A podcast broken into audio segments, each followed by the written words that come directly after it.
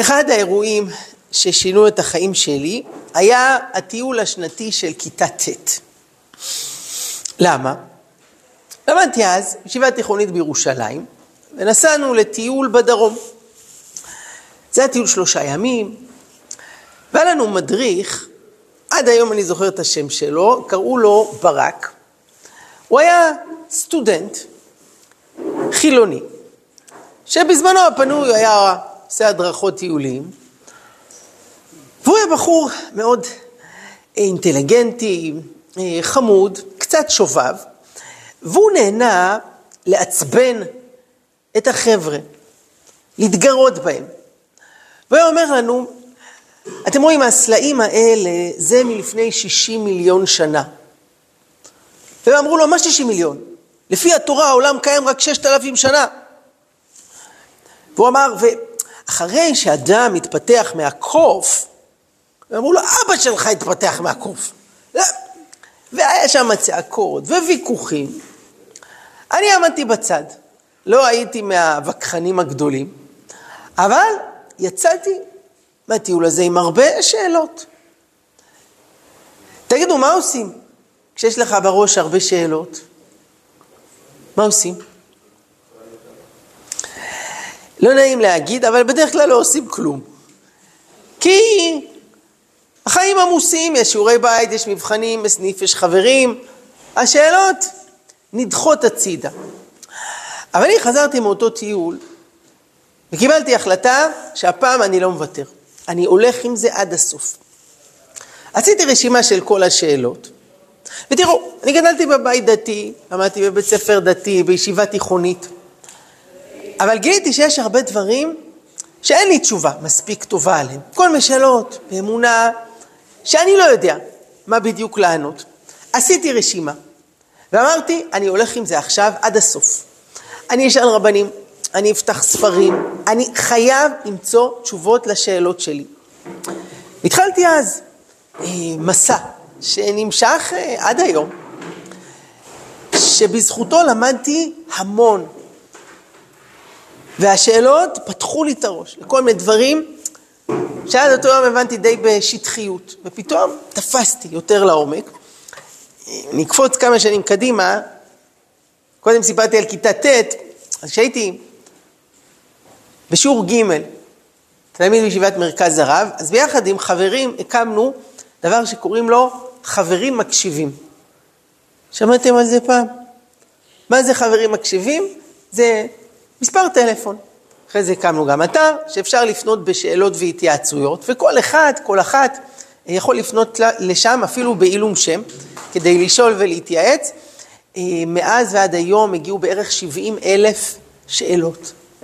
אה, חלק אה, במייל, חלק בטלפון, לאחרונה יש גם אפשרות לפנות בצ'אט, ויש באתר אלפי תשובות, והקו הזה קיים עד היום. כל מי שירצה הערב, בסוף המפגש שלנו, כוכבית 8298, אפשר להתקשר כל ערב, ויש אה, משיב או משיבה שעונים. אבל הכל מתחיל מהאדם עצמו. עד כמה הוא לוקח ברצינות את החיים שלו, עד כמה הוא שואל שאלות ולא מוותר. תראו, ילדים הם נורא אוהבים שאלות. הרבה פעמים המבוגרים קצת מייבשים אותם. יש כזה סיפור על ילד בדואי שהולך עם אבא שלו במדבר, וכל הזמן הילד שואל שאלות, חופר. הילד אומר, אבא, למה השמיים כחולים? הבדואי אומר, וואלה, אבני לא יודע. אומר לו, אבא, ולמה השמש היא זורחת במזרח ושוקעת במערב? וואלה, אבני לא יודע. אבא, ולמה הגמל יש לו... ושאלה אחרי שאלה, אומר, וואלה, בני לא יודע. בסוף הילד אומר, אבא, זה מעצבן אותך שאני שואל אותך את כל השאלות? הוא אומר לו, לא. אם לא תשאל, איך תדע? טוב, אז אה, יש כאלה שהם לא הכתובת אה, לשאלות, אבל מי שבאמת מחפש, יש איפה. אה, למצוא תשובות, ואני חושב שאנחנו היהודים מאוד מעריכים את מי ששואל שאלות. תראו, בליל הסדר, האחרון מארבעת הבנים זה לא הבן הרשע, אלא מי? זה שאינו יודע לשאול. תראו בגמרא, כל הזמן שאלות, קושיות, תירוצים, כי להיות יהודי זה להיות אדם שמחפש, ששואל. המהר"ל אומר יותר מזה, להיות אדם, אדם זה בגימטריה, מה? כלומר, שאלה, מה? מה פתאום? למה? איך? אז בואו נצא לדרך. יש לי פה כמה שאלות יפות שאתם שלחתם. חשוב לי להגיד שעל הרבה מהשאלות אפשר לתת שיעור שלם, אפשר לדבר שעה. אבל אנחנו נעשה בזמן קצר, טק, טק, טק, טק, טק, לעשות ממש בקצרה, לתת איזה כיוון, נקודה או שתיים על כל שאלה, ואני סומך עליכם. שמעתי שיש פה חבר'ה רציניים, שתיקחו את זה הלאה ותמשיכו לקרוא ולברר ולשאול ולדון. אז יאללה, בואו ונצא לדרך.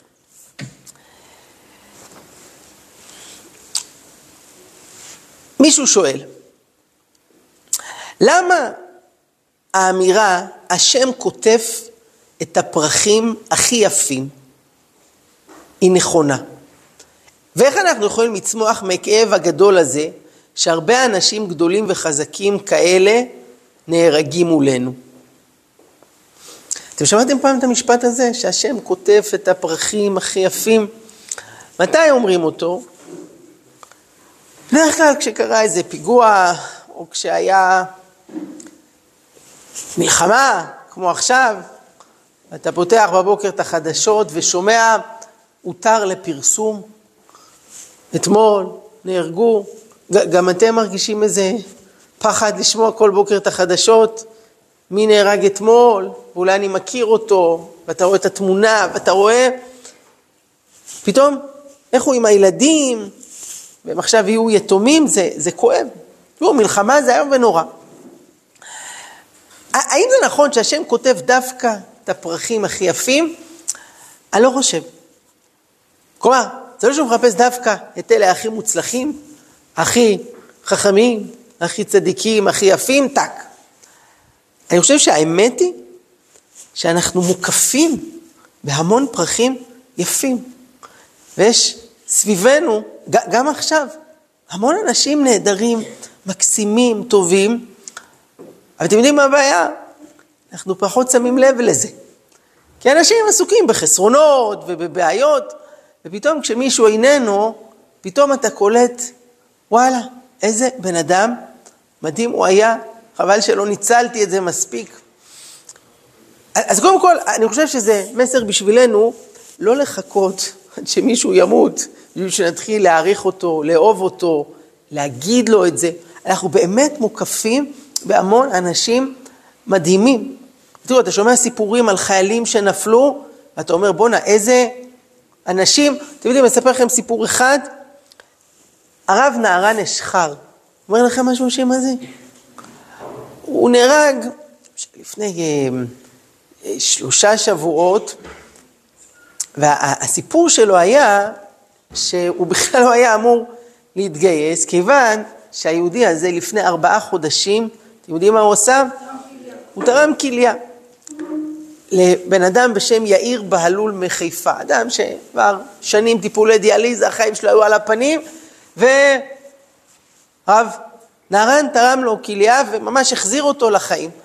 וכשפרצה המלחמה הוא החליט שהוא מתגייס, למרות שהוא לא היה חייב מבחינת הצבא, והוא נפצע בצפון, ואחרי שלושה ימים שהרופאים נאבקו על חייו, הוא אה, נפטר.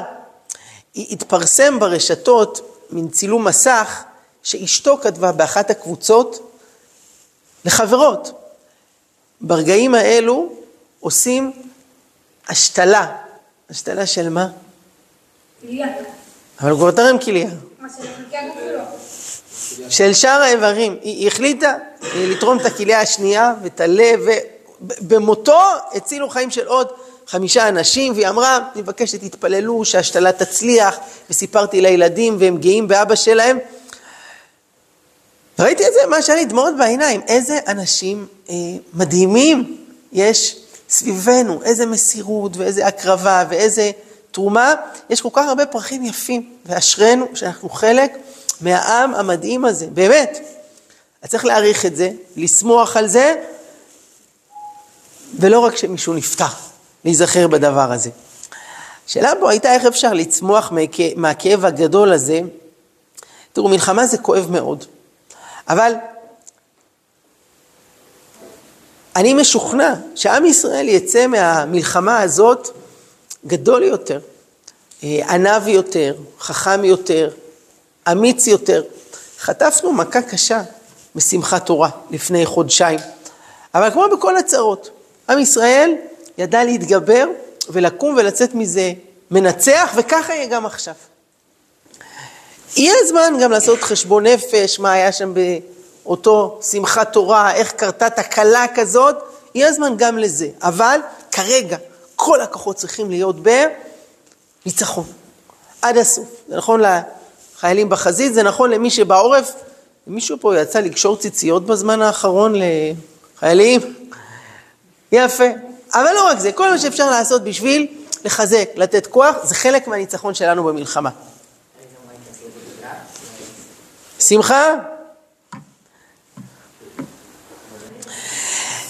שאלתם, מתי מתאים לומר הגומל? הגומל אומרים, כשאדם היה במצב של סכנת חיים והוא ניצל. למשל, הוא היה ברכב, הייתה תאונה והרכב סטה מהכביש ונמעך והוא יצא מזה. בחיים צריך לברך הגומל. מתי לא מברכים הגומל? כשאדם הוא לא נקלע למקום שיש בו סכנה, אבל הוא היה אמור להיות. מה זאת אומרת? הרבה פעמים שאלו אותי, אה, הייתי אמורה לנסוע באוטובוס הזה והזה, ובסוף לא נסעתי כי פספסתי אותו וזה, ובסוף היה שם פיגוע. האם אני צריכה להגיד הגומל? התשובה היא, לא. אם היית נוסעת באוטובוס בזמן הפיגוע ולא היה קורה לך שום דבר, אז היית צריכה לברך. אבל זה שפספסת את האוטובוס, אז תגידי תודה להשם. אבל לא מברכים, אלא במצב שהיית עכשיו בסכנה וניצלת ממנה. בסדר? שאלה, בזמן האחרון ממש קשה לי להתפלל. מה אני יכולה לעשות כדי שהרצון יחזור? לא יודע אם זה מנחם אותך, אבל לא רק לך קשה להתפלל. אני חושב שכמעט לכולם. תפילה זה אחד מהדברים המאתגרים. לא סתם חז"ל קוראים לזה עבודה שבלב. אם קוראים למשהו עבודה, סימן שמה? מה? שצריך לעבוד, שצריך להתאמץ, ויש פה לא מעט קשיים. סיפר לי הגבאי של בית הכנסת שלנו, שכשהוא היה נער בן 14, הוא תמיד היה מאחר לתפילה. פעם אחת הוא איחר, ככה איחור רציני, ואז אבא שלו התרגז ואמר לו, תגיד לי, אם זה היה סרט, אתה גם היית מאחר ככה? אז הוא חשב רגע, והוא אמר לו, אני לא הולך לאותו סרט שלוש פעמים כל יום. את סטירת הלחי שהוא קיבל באותו רגע, הוא זוכר עד היום, 40 שנה אחרי. אבל מה אתם אומרים על הטענה שלו? ללכת לאותו סרט שלוש פעמים כל יום זה משעמם, לא? אה? מה נעשה? מה? זה אותו המילים, לא רפאנו השם ונראה שבתנו כיוון אתה מכיר את התופעה של הטייס האוטומטי, אדם מתחיל את התפילה, עכשיו הוא כבר יודע את זה בעל פה, הוא מכיר את זה מגיל צעיר, אשרי בביתך, ברור שעבר והעולם עלינו לשבח, וואלה, נגמרה תפילה? כאילו, טס קדימה. אז מה, זה לא סרט? מה? תלוי בך. אז אותן המילים, האם זה יהיה אותו סרט או לא, אז זה כבר תלוי בנו, אבל חייבים להגיד, תפילה זה באמת דבר לא פשוט. תגידו, למה באמת זה ככה שיש אותן מילים קבועות שמישהו חיבר לנו לפני איזה אלפיים שנה? למה לא אומרים, תפילה זה צריך להיות אותנטי. כל אחד, מתי שהוא מרגיש את, ה, את המוזה ששורה עליו, שיש לו את החשק, אז הוא יתפלל. במילים שלו, בשפה שלו, זה לא יהיה עדיף? מה אתם אומרים? אולי נבטל את הסידור? זה לא ישפר את המצב?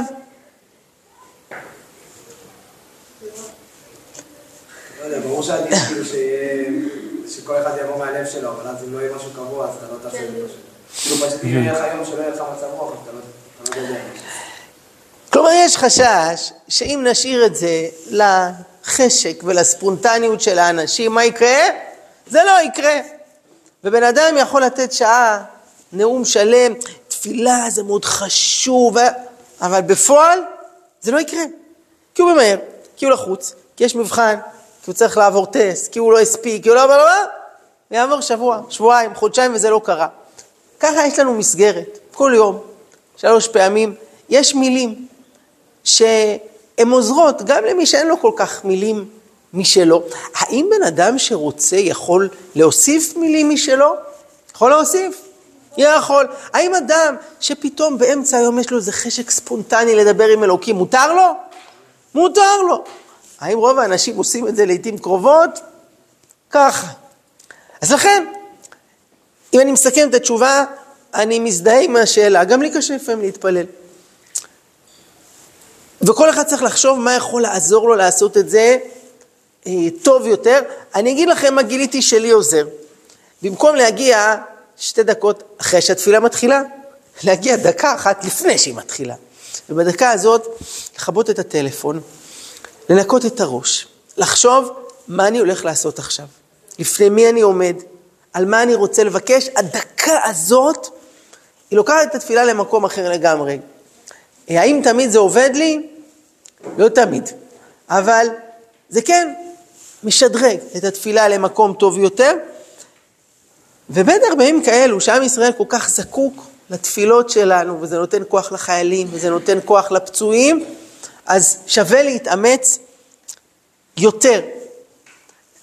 ואני אגיד אחרי כל זה, גם בזמנים שהתפילה היא לא משהו. אה, שאל אותי פעם חייל, הוא אמר, אני חוזר בשתיים בלילה, אחרי יום שלם של פעילות מבצעית, ושנייה לפני שאני נרדם, פתאום אני נזכר. מה? לא התפללתי ערבית. הוא אמר, אני יודע שאם אני עכשיו נעמד להתפלל, יש מצב שאני נרדם בעמידה. קרה לכם פעם? זה קצת מפחיד, שאתה תופס את עצמך, שנייה לפני שאתה מתרסק על הסטנדר. הוא שאל אותי, תגיד, יש טעם להתפלל בצורה כזאת? זה ביזיון של תפילה. אני מתחיל קריאת שמע, פתאום אני אמצא את עצמי בברכת המזון, מוסף לראש השנה, אשר יצר, תפילת הדרך.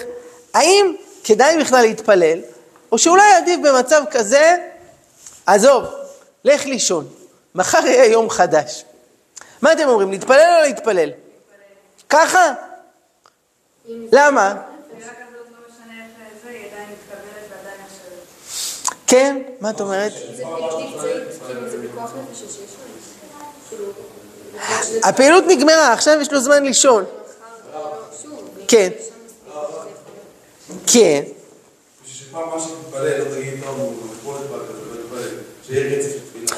אז אתה אומר פה חשש של מדרון חלקלק. אדם שמוותר לעצמו פעם אחת, שידע שיש חשש שזה לא יהיה הפעם האחרונה. נגיד, מישהו נמצא במבחן, מבחן במתמטיקה, והוא הוא דווקא למד, אבל איך שמחלקים את הטופס, פתאום נהיה לו blackout. הוא שוכח את כל הנוסחאות, כל המספרים, משולש, זה עם כמה צלעות, הכל מתבלבל. והוא רואה שזה שלידו כותב, כותב, כותב, כותב, ויש לו איזה יצר רק קטן, מה לעשות? מה, אסור להעתיק. להציץ, לבדוק, להשוות, לוודא, אבל יודע שזה לא בסדר. אז מה אומר לעצמו? רק הפעם. רק הפעם, אני למדתי למבחן הזה, מגיע לי. ומתמטיקה זה חשוב, זה מקצוע קודש, אני... תשמעו, יש סיכוי טוב שאם הוא ירשה לעצמו הפעם לרמות, זה לא יהיה הפעם האחרונה. כי מחר יהיה אנגלית, זה גם מקצוע קודש. וזה לא ייגמר. שאלה אם בן אדם הולך עד הסוף ועושה את מה שצריך גם כשקשה. אז אמרתי לאותו חייל, תקשיב, אל תוותר על התפילה. גם אם היא נראית ככה, יש מצווה להתפלל. ואתה יודע מה? אני חושב ההפך, לך נדמה שהתפילה הזאת זו תפילה מצ'וקמקת, מעוכה, שלא שווה כלום? הפוך. אולי דווקא בגלל שזה כל כך קשה לך, ובכל אופן אתה לא מוותר ואתה עושה את זה, תראו, דבר שאנחנו מתאמצים עליו, שווה, אתם יודעים כמה? פי מאה. זה לא אני המצאתי. חז"ל אמרו, תקשיבו משפט, אחד בצער ממאה שלא בצער. כלומר, דבר אחד שאדם עשה, והוא הצטער על זה וזה היה קשה לו, שווה יותר מאשר מאה דברים שבאו בקלות. אמרתי את זה פעם למישהי, הכרתי איזה בחורה שהיא באה ממשפחה חילונית ובצבא היא חזרה בתשובה. והיה לה מאוד קשה אה, בבית, כי ההורים שלה, האחים שלה פשוט מררו לה את החיים, היו צוחקים עליה ומזלזלים בה, והכי קשה היה לה בשבת. מה קרה? היא רוצה לאכול, אז היא באה לפתוח את המקרר, אבל יש בעיה. מה הבעיה? נדלק האור. אז היא לאמא שלה, אני לא יכולה לפתוח ככה את המקרר. אמא, אולי ביום שישי, אני אנטרל את הנורה, ואז אני אוכל לפתוח בשבת. אמא שלה אמרה, לא, אני צריכה אור במקרר בשבת. אמא, אבל אני לא יכולה לפתוח ככה. אז היא אמרה, אז תבקשי ממני, אני אפתח לך. מה דעתכם, זה פתרון טוב? ברור שלא. היא לא יכולה לבקש מאמא שלה לחלל שבת בשבילה. היא הייתה אז ממש מסכנה. ואמרתי לה באותם הימים, תדעי לך שאני מקנא בך. היא אמרה, מה? אתה מקנא בי? אמרתי לה, כן. כי שבת אחת שאת שומרת שווה יותר מאשר מאה שבתות שאני שומר. אני גדלתי בירושלים, בשכונה של דוסים, אצלנו כולם שמרו שבת, זה לא חוכמה. את, שכל כך קשה לך, שצוחקים עלייך, שמפריעים לך, ואת מתאמצת על זה, זה שווה פי מאה. טוב, מה היה סוף הסיפור? מאז, כמו שהם התחתנה, יש לה כבר שלושה ילדים, היא שומרת שבת, הכל טוב, אבל דווקא הימים ההם, השבת, כשמפריעים לך, זה שווה הרבה יותר, וזה גם מה שאמרתי לאותו חייל. התפילה הזאת בשתיים בלילה, כשאתה בכוח מרים את עצמך, זה שווה בעיני הקדוש ברוך הוא הרבה יותר. יש כזה משפט שאומרים בענים זמירות, כיכר שירת רש בעיניך. מי פה שר ענים זמירות לאחרונה? אה? כשיר יושר על קורבניך. מה, מה, מה זה שירת רש? רש זה? אני. אני, כלומר, אני, איזה קורבן הוא מביא? הוא לא יכול להביא פה איזה פר שמן, הוא מביא איזה סולת, משהו כזה עלוב ודלוח, זה יקר בעיני הקדוש ברוך הוא, כי מי שקשה לו והוא מתאמץ על משהו, זה שווה הרבה יותר. אז אני אומר לעצמי ולעצמנו, בתפילות שממש קשה לנו, אנחנו בכל אופן מתאמצים, זה שווה הרבה יותר. איך יודעים אם זאת מלחמת גוג ומגוג, ושלאחריה תהיה גאולה, או שזאת מלחמה אחרת? אנחנו לא יודעים. גוג ומגוג זאת מלחמה שמתוארת בנביא, שהיא תהיה באחרית הימים. מה בדיוק הולך להיות באחרית הימים? אנחנו לא יודעים במדויק. הרמב"ם, יש לו כזה משפט יפה, הוא אומר, לא נדע מה יהיה עד שיהיה. וכל מי שיודע להגיד לכם במדויק מה הולך לקרות ומתי, תדעו שהוא עובד עליכם ואולי עובד גם על עצמו. מה שאנחנו כן יודעים, זה שהולך להיות טוב. כלומר, כל אלה ששואלים אותי, מה יהיה בסוף? מה יהיה בסוף? אני אומר להם, מה זה קל, הסוף יהיה טוב. כמה זמן ייקח עד שנגיע לשם, מה נעבור בדרך, אנחנו לא יודעים. אבל אנחנו כן יכולים לראות מה קרה במאה השנים האחרונות. אחרי אלפיים שנים נוראיות, שעם ישראל היה בגלות ורדפו אותו, והרגו אותו, ורצחו אותו. אתם יודעים, פעם, כשהיינו בגלות, כל פעם שהגיע חג הפסח, יהודים היו בפחד נוראי. למה? פסח זה היה החג של עלילות הדם. מה זה אומר? היו מוצאים איזה גופה של תינוק נוצרי ליד רחוב היהודים, ואז הכמרים היו מסיתים בכנסיות. מה היה הטענה שלהם? שהיהודים משתמשים בדם של ילד נוצרי בשביל מה? המצות. וניסינו להסביר איך, מה פתאום, הרי אם יהודי עושה חביתה והוא מוצא דם בתוך הביצה, מה הוא עושה? הוא זורק לפח, איך יכול להיות שאנחנו מכניסים דם של ילד נוצרי בתוך המצות, זה אסור לפי ההלכה, זה לא יכול להיות. מה אתם אומרים, עזר לנו? איזה עזר, היו הורגים יהודים, היו שוחטים, ומה יכולנו לעשות, לפנות לאו"ם? מי יעזור לנו? אלפיים שנה יהודים היו מסכנים. וברוך השם, במאה השנים האחרונות קרה מהפך. חזרנו הביתה לציון, הקמנו פה מדינה אחת המשגשגות והמצליחות בעולם, עם צבא עוצמתי. ניצחנו פה מלחמה אחרי מלחמה אחרי מלחמה. אה, צה"ל נחשב לצבא השמיני בחוזקו בעולם, ובאמת, מדינה עם עוצמה כלכלית וטכנולוגית וכולי וכולי. בואו נגיד שמה שהיה בשמחת תורה, היה לנו איזו טעימה קטנטנה למי ששכח איך נראית גלות. כלומר, איך נראה המצב כשאנחנו חסרי אונים ופתאום הרשעים האלה מנסים לפגוע בנו, אבל מהר מאוד. עוד באותו יום כבר עם ישראל חזר לעצמו ודופק על השולחן, ועכשיו המחבלים הרשעים הם אלה שנמלטים על נפשם ומתחבאים מתחת האדמה. בקיצור, מה שאני רוצה להגיד זה שהגלות נגמרה. עם ישראל בארץ והוא מצליח והוא מנצח. האם זה אומר שמעכשיו הכל ילך חלק וקל? לא. חז"ל אומרים ארץ ישראל נקנית בייסורים, כמו כל דבר, כשנולד תינוק, מה זה בא בקלות? מחליק ככה החוצה? לא, יש תשעה חודשים של הריון ובחינות וכאבים וצירים, בסוף נולד פה תינוק חדש, אבל יש צירי לידה, וזה מה שקורה לנגד עינינו, הגאולה הולכת ו- ו- ונולדת. גם המלחמה הזאת תביא אותנו עוד קומה. לשלב חדש, לשלב טוב יותר. וברוך השם שאנחנו פה בארץ ישראל, ואנחנו לא בפולין, ולא באתיופיה, ולא ברוסיה. ברוך השם שכשמגיע פסח, אנחנו יכולים רק לקטר שאימא ביקשה מאיתנו לנקות את הזה ואת הזה, ולא שמחר ישחטו יהודים בגלל איזה עלילת דם. וברוך השם שכשיהודים נחטפים, אז צבא אדיר יוצא להציל אותם. ולחלץ אותם, ולא כמו שהיינו בגלות, היו חוטפים יהודים, מה יכולנו לעשות? להתחנן, לשחט בכסף, ל... אבל היינו חסרי אונים. ברוך השם, הקדוש ברוך הוא נתן לנו את הכוח, והקדוש ברוך הוא גואל אותנו. קורה פה דבר טוב. למה אנחנו לא רוקדים משמחה?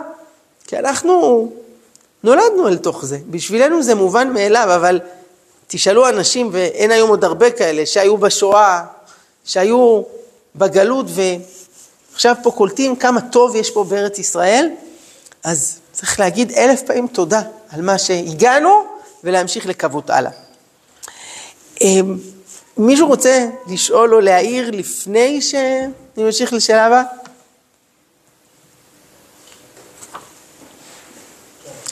כן, בקול רם. אמרת לגבי תפילה שכאילו,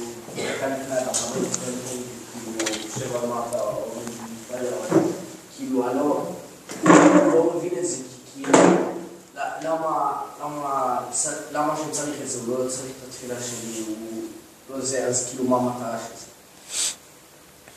אתה צודק, הקדוש ברוך הוא, הוא לא בן אדם שהוא צריך שייתנו לו, שיכבדו אותו, שיתחננו לפניו, שירצו אותו. אבל אנחנו צריכים, כדי שנתחבר להשם, אנחנו צריכים לעמוד לפניו ולהתפלל, אנחנו צריכים להרגיש את החיסרון. אה, התורה אומרת, זה ההבדל בין ארץ ישראל לארץ מצרים. מצרים זה ארץ שכמעט ולא יורד בגשם, והיא לא צריכה גשם. למה? כי מה יש לה? הנילוס שהוא משקה אותה כל השנה. ארץ ישראל לעומת זאת, זה ארץ שמאוד צריכה גשם.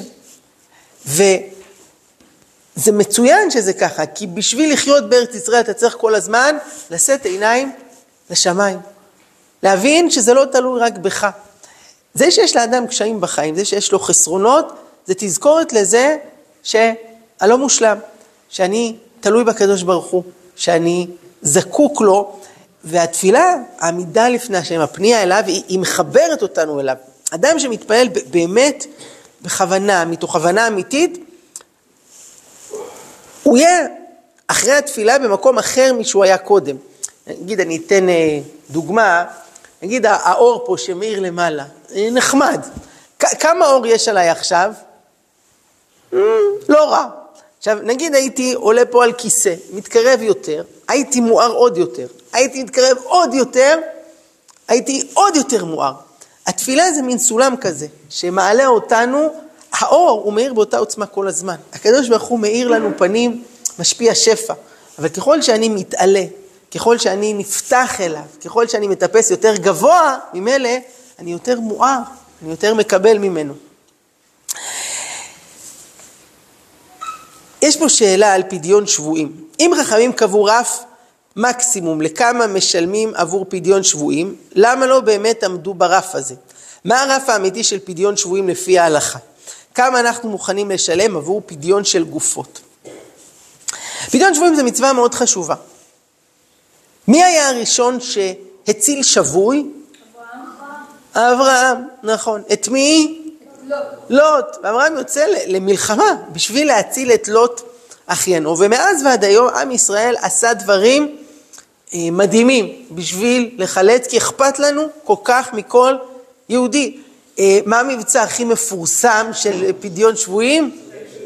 מבצע אנטבה, כן, 1976, שטסים מרחק של 4,000 קילומטר בשביל אה, לחלץ חטופים, והעולם אז עמד נדהם ממה שצה"ל הצליח לעשות, אבל לא תמיד זה התאפשר לעשות את זה עם מבצע צבאי, והיו גם עסקאות שלצערנו עשו עם צבאות האויב או עם ארגוני טרור. ופה יש בעיה, כי עם ישראל מרוב שהוא רוצה לחלץ את השבויים ומרוב שאכפת לו, הוא לפעמים גם עושה דברים מוגזמים. חז"ל קבעו כלל, הם אמרו אין פודין את השבויים יתר על כדי דמיהן מפני תיקון העולם. כלומר, לא לפדות את השבויים יותר מכדי דמיהן, כלומר, מכמה ששווה לפדות שבויים מפני תיקון העולם. מה זה מפני תיקון העולם? אז ההסבר הוא שאם הצד השני יראה שאנחנו מוכנים בשביל שבוי לשלם הרבה מאוד כסף או תמורה אחרת, מה זה יגרום? שהם יחטפו עוד, שהם הפכו את זה לשיטה. ומדינת ישראל עשתה פה טעות שחזרה עליה שוב, ועלולה לחזור עליה שוב. אה, זה התחיל בעסקת ג'יבריל, ששחררו שם אה, בשביל, אני חושב, שלושה חיילים, אה, מאות מחבלים, ובעקבות זה פרצה האינתיפאדה הראשונה. זה המשיך אחרי זה בעסקת שליט, שבשביל חייל אחד שהיה בשבי שחררו אלף מחבלים, אה, כולל אה, כאלה שעשו דברים מאוד חמורים. אה, אחד המחבלים ששוחררו באותה עסקה הוא לא אחר מאשר יחיא סנוואר, אותו שטן שעכשיו הוא עומד בראש החמאס בעזה. הוא היה אצלנו בכלא, אבל שחררנו אותו. וכמה יהודים נהרגו ממחבלים ששוחררו. הרי זה, זה ברור לנו שהמחבלים שיצאו מהכלא, הם לא יהפכו להיות אחרי זה חסידי אומות העולם, נכון? הם לא יחלקו פרחים לקשישות, הם יחזרו לעסוק בטרור. ואפשר כבר לספור את כמות ההרוגים והנרצחים בעקבות עסקת שליט. ותשמעו, יש חשש מאוד גדול גם מה הולך לקרות עכשיו עם כל החטופים שאנחנו מאוד רוצים אה, לשחרר, ומצד שני, אם ישחררו פה אלפי מחבלים, כמו שאותם רשעים היו רוצים, הרי למה הם לוקחים שבויים? כי הם יודעים שליהודים זה מאוד חשוב. אצלנו חיי אדם זה דבר קדוש, שלא כמו אצלם, לא, לא אכפת להם. מחיי אדם, לא אכפת להם מהילדים שלהם. הם משתמשים באזרחים בתור מגן אנושי, אבל לנו מאוד אכפת, ויש חשש, מה יקרה? האם מדינת ישראל תצליח לנצח את החמאס ולהביס אותו ולהחזיר את החטופים, הלוואי, אנחנו מקווים, או שיעשו איתם כל מיני עסקאות אה, מפוקפקות של, אה, של אה, שחרור סיטונאי של מחבלים, ומי יודע מה יהיה המחיר של זה. הייתה פה שאלה גם לגבי פדיון של גופות. תראו, אנחנו רוצים להביא לקבורה כל אה, יהודי שנהרג או שנרצח, יש עניין בדבר הזה. זה לא שאם הוא כבר מת אז לא אכפת לנו, אכפת לנו, ורוצים להביא אותו לקבר ישראל, אבל ברור שאינו דומה לשחרר מישהו חי לבין לשחרר מישהו מת. כשמישהו חי, אז האינטרס הרבה יותר גדול והמחיר יותר גבוה. היה לפני כמה שנים, שנמצא בסוריה גופה של אה, זכריה באומל, השם ייקום דמו, שהוא נפל אה, בואו אני אספר לכם את הסיפור. בשבעה שלו, אז התברר אה, אה, איך קרה שאחרי שנים מצאו את הגופה שלו שחזרה מסוריה. זכריה באומן, זה השם. ראש הממשלה נתניהו, היה לו מפגש לפני שנים עם פוטין, נשיא של רוסיה. וידעו שרוסיה הייתה חייבת לישראל, העברנו להם איזה מידע חשוב שהציל להם הרבה אנשים, אפשר לבקש מהם איזה טובה בתמורה. במדינות יש כאלה עסקאות. וציפו שבפגישה עם פוטין, הוא ישאל את ראש הממשלה, מה אתם רוצים בתמורה? ונתניהו הגיע לפגישה, וכבר הכינו מראש, יש לנו הרבה מה לבקש מרוסיה, אה, כל מיני דברים שקשורים למלחמה בלבנון, ו- ואיראן, וטילים וכדומה. ואז תוך כדי הפגישה, אז פוטין אומר לו, אנחנו רוצים להגיד לכם תודה על המידע שהעברתם לנו, מה אנחנו יכולים לעשות בשבילכם בתמורה? ונתניהו אמר, היה לו את הפתק בכיס, ככה דברים, חשבו במערכת הביטחון מה כדאי לבקש. אז הוא אמר משהו אחר, תראה, יש גופה של חייל שלנו שנמצאת בשטח של סוריה, צריך שתעזור לנו למצוא את זה, להביא אותו לקבר בישראל. אמר לו, מה? מתי הוא נהרג? נתניהו אמר לו, לפני 35 שנה. פוטין אמר לו, מה? 35 שנה ועכשיו זה מה שאתה מבקש? מה אכפת לכם?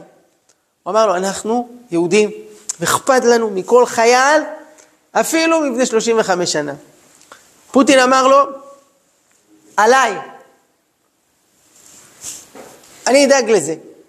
וכשפוטין אומר עליי, אז הוא יכול לדאוג לדברים, ובסוף נמצאה והוחזרה גופתו של זכריה באומל והובא לקבורה בישראל. ונתניהו אמר, הוא סיפר, חשבתי לעצמי, אבל מה אני אעשה אחרי זה, אני אחזור לישראל, יגידו לי במערכת הביטחון, ומה ביקשת? עם הטילים, עם ה... מה אני אגיד להם, שביקשתי על החייל, על הגופה שלו? ואז פוטין אמר לו, טוב, וחוץ מזה, מה אתה רוצה לבקש? אז זה הסיפור שסיפרו בשבעה של זכריה אבאומל באיחור של 35 שנים, אבל זה עם ישראל, שאכפת לנו מכל אחד שיחזור הביתה. טוב, אז זה היה בענייני פדיון שבויים. Mm, יש לנו עוד כמה דקות, לא הרבה, אז בואו ננסה עוד קצת להספיק, בסדר? Um, היו פה הרבה שאלות על הנושא של שירות צבאי לבנות. אה, צבא לנשים וכולי. אה, אז בספר העיר רב יש על זה פרק, שווה לקרוא, יש באתר שלי מילה טובה, תחפשו בנות בצבא, אה, יש המון חומר על הנושא הזה, אז, אז חבל על הזמן. אז מוזמנות, מוזמנים להסתכל שם, בסדר? אז זה לגבי זה. מה עוד? למה זה מוסרי להביא ילדים לעולם כשיש מיליוני ילדים שצריכים אימוץ? אתם מבינים את השאלה? שאלה מעניינת. למה להביא ילדים? הרי יש ילדים מסכנים, בתי יתומים, צריך לאמץ אותם, אז להביא עוד ילדים. בואו נתמודד עם מה שיש. ודאי שלאמץ ילדים זה מצווה. תחשבו ילד שאיבד את אבא שלו, איבד את ההורים שלו. אה, לצערנו, במה שהיה בשמחת תורה, זה היו ילדים שאיבדו את ההורים שלהם, דיברו על אה, אביגיל, ילדה בת שלוש ששני ההורים נרצחו, אה, היה שבוע בר מצווה, שכחתי את השם שלו, אותו דבר שהביאו את התפילין שלו, מישהו זוכר את השם? ששני ההורים שלו נרצחו, אריאל קראו לו. הרב לאו בא לבר מצווה, אתם יודעים מי זה הרב לאו? הוא היה הרב הראשי לישראל. הרב ישראל מאיר לאו, והוא אמר לו, אתה יודע, ככה הוא אמר לנער הבר מצווה, אתה יודע, גם אני כמוך אה, איבדתי את שני ההורים שלי. אבא ואימא שלי נרצחו בשואה, ואני הייתי אז ילד בן שמונה, וניצלתי. אני ואח שלי, נפתלי. ונשארתי ילד יתום, והביאו אותי פה לארץ, וברוך השם גדלתי, והתפתחתי, וזכיתי להיות אפילו רב ראשי לישראל, ולעשות דברים, ואני מברך אותך שגם אתה. זה כואב כל כך לאבד את אבא ואימא, אבל בעזרת השם יהיה לך את הכוחות ואתה תצמח ואתה תגדל ואתה תראה עוד הרבה טוב ושמחה בעולם. אה, אז נחזור לשאלה, ודאי זה מצווה, לאמץ ילד יתום.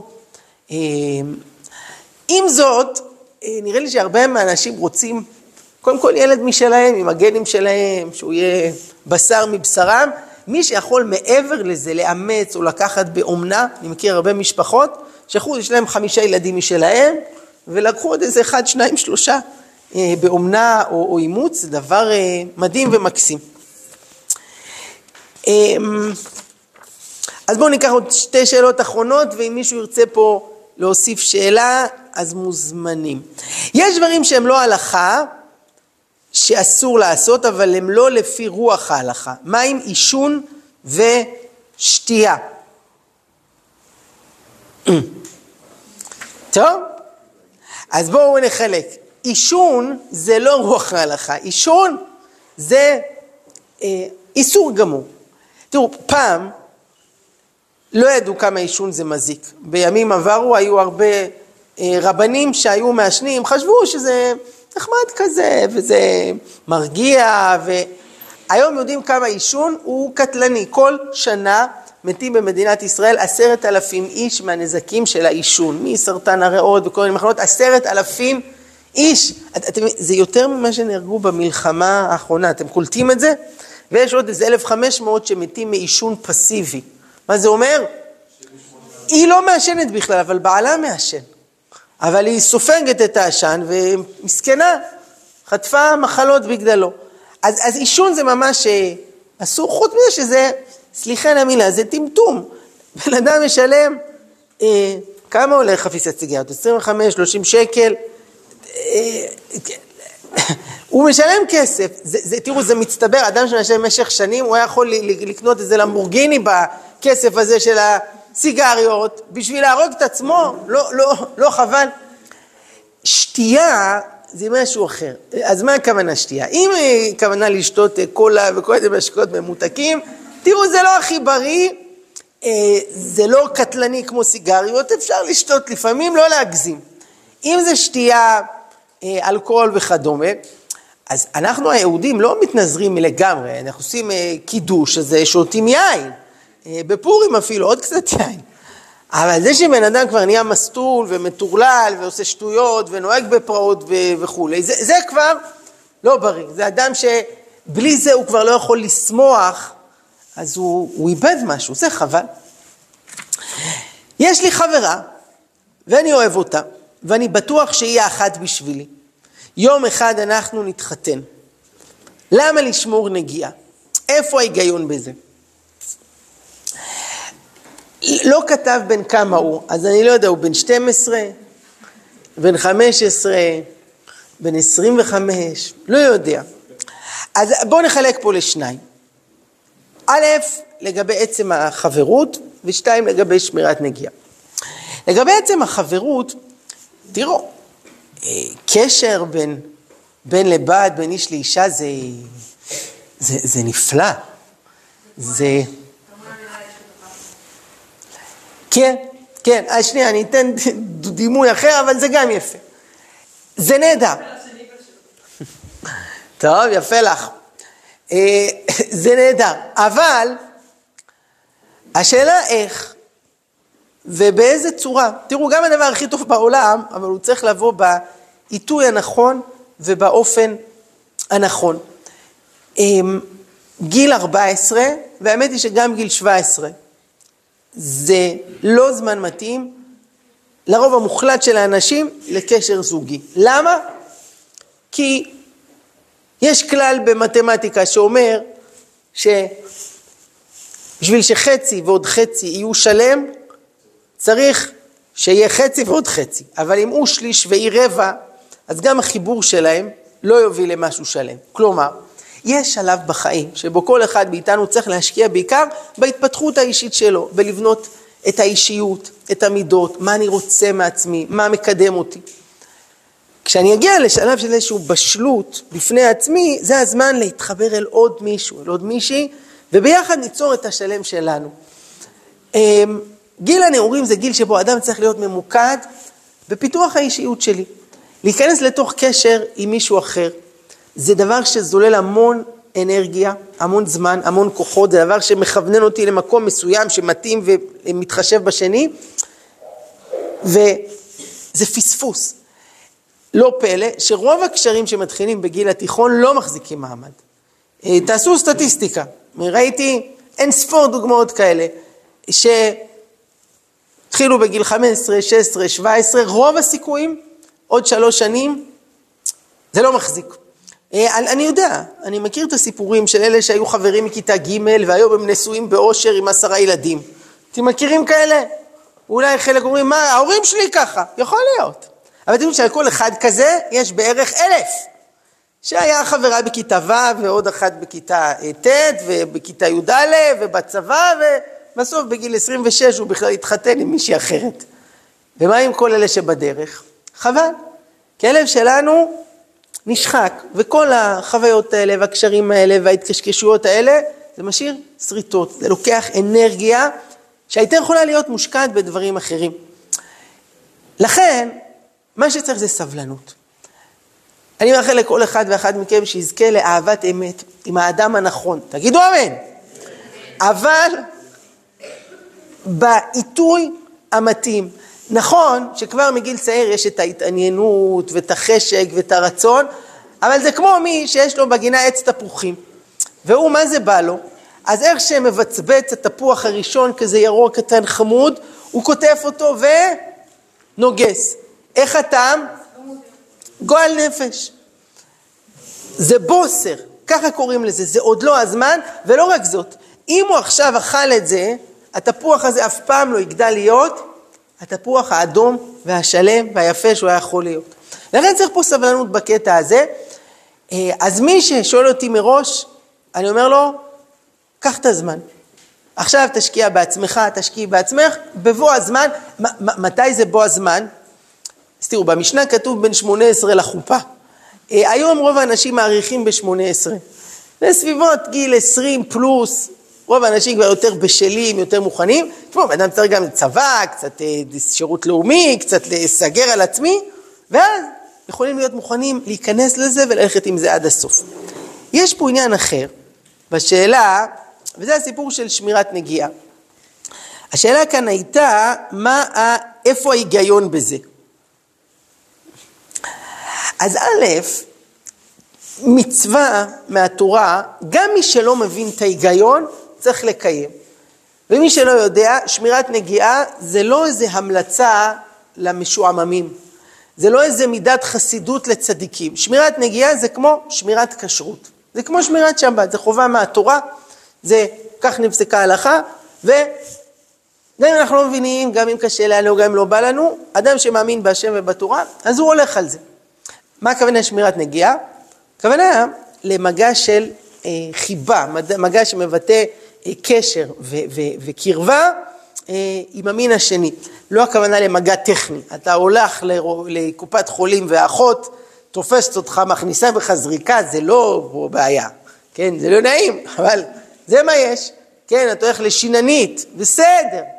אפשר, את הולכת ברחוב ויש אדם עיוור שצריך לעבור את הכביש והוא מתבלבל, מותר לאחוז בזרועו ולעזור לו לעבור את הכביש. לא על זה מדובר.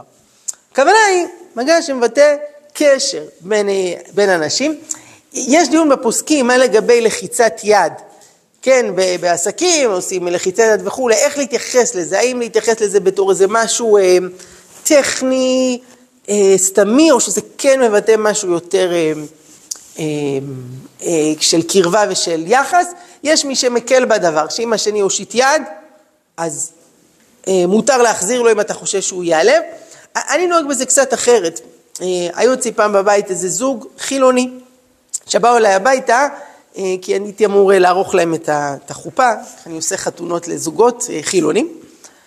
אז הם נכנסו הביתה, ואז החתן הוא הושיט לי את היד, שלום, נעים מאוד, נכנס, ואז הכלה נכנסה. והיא בחורה חילונית, תל אביבית, אז היא גם מושיטה את היד. אז אמרתי לה, נעים מאוד, יופי שבאתם, אבל אני נוהג ללחוץ יד רק לאשתי. אז היא שמעה ואמרה, וואלה, מגניב. הביאה כזה מרפק בחבר שלה ואמרה, איתן, שמעת? אולי גם אתה תהיה קצת שומר נגיעה. אמר היא, התפעלה, מצא חן בעיניו, וואלה, יש פה משהו יפה, שבן אדם שומר את עצמו, את הנפש שלו, את הגוף שלו, לאדם שהוא הכי אוהב, לא לפזר ולבזבז טק טק טק, על כל העולם ואשתו. יש פה כמו איזה קרן לייזר, לשמור את האנרגיה הזאת של הגוף ושל הנפש שלנו לאדם המתאים בזמן המתאים. אז לכן, ופה אני חוזר לשאלה, גם אם מי שכתב את זה הוא בן 25, והם כבר מאורסים, אז עדיין, על פי ההלכה, המגע הוא אמור לבוא רק אחרי שיש כבר ברית. כלומר, שהוא נתן את הטבעת והוא אמר לה, הרי את מקודשת לי בטבעת זו, כדעת משה וישראל. אז זה עובר משמירת נגיעה למצוות נגיעה.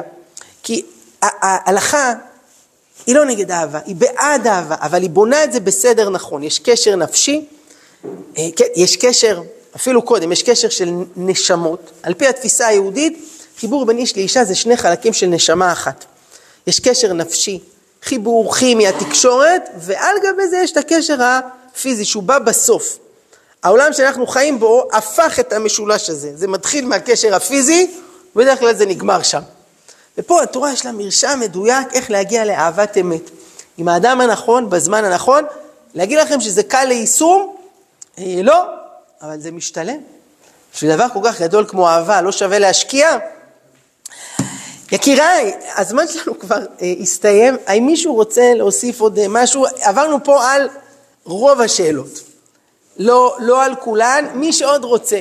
אה, אז א' יש את הספרים של איי הרב, אה, יצא לפני שישה שבועות, הספר השלישי והאחרון בסדרה, שרוצה אפשר להשיג פה מאחורה, אפשר גם לשלם באפליקציה מי שרוצה, ואפשר לפנות לחברים מקשיבים, חפשו את זה בגוגל, יש את האתר ויש צ'אט ויש מספר טלפון שאפשר כל ערב לפנות. ויש אנשים שאפשר לדבר איתם ואפשר לשאול רבנים, העיקר להיות אנשים שמחפשים, שרוצים להתקדם, ששואלים שאלות, אנחנו לא שואלים כי אנחנו כופרים, הפוך, דווקא מי שמאמין, הוא שואל, כי הוא יודע שיש פה איזה אמת, והוא רוצה להגיע אליה, הוא רוצה להתחבר אליה. מישהו רוצה להוסיף או לשאול משהו לפני שאנחנו נפרדים? או שהסופגניות כבר קורצות לכם? אני מבין שפחות. בסדר, חברים,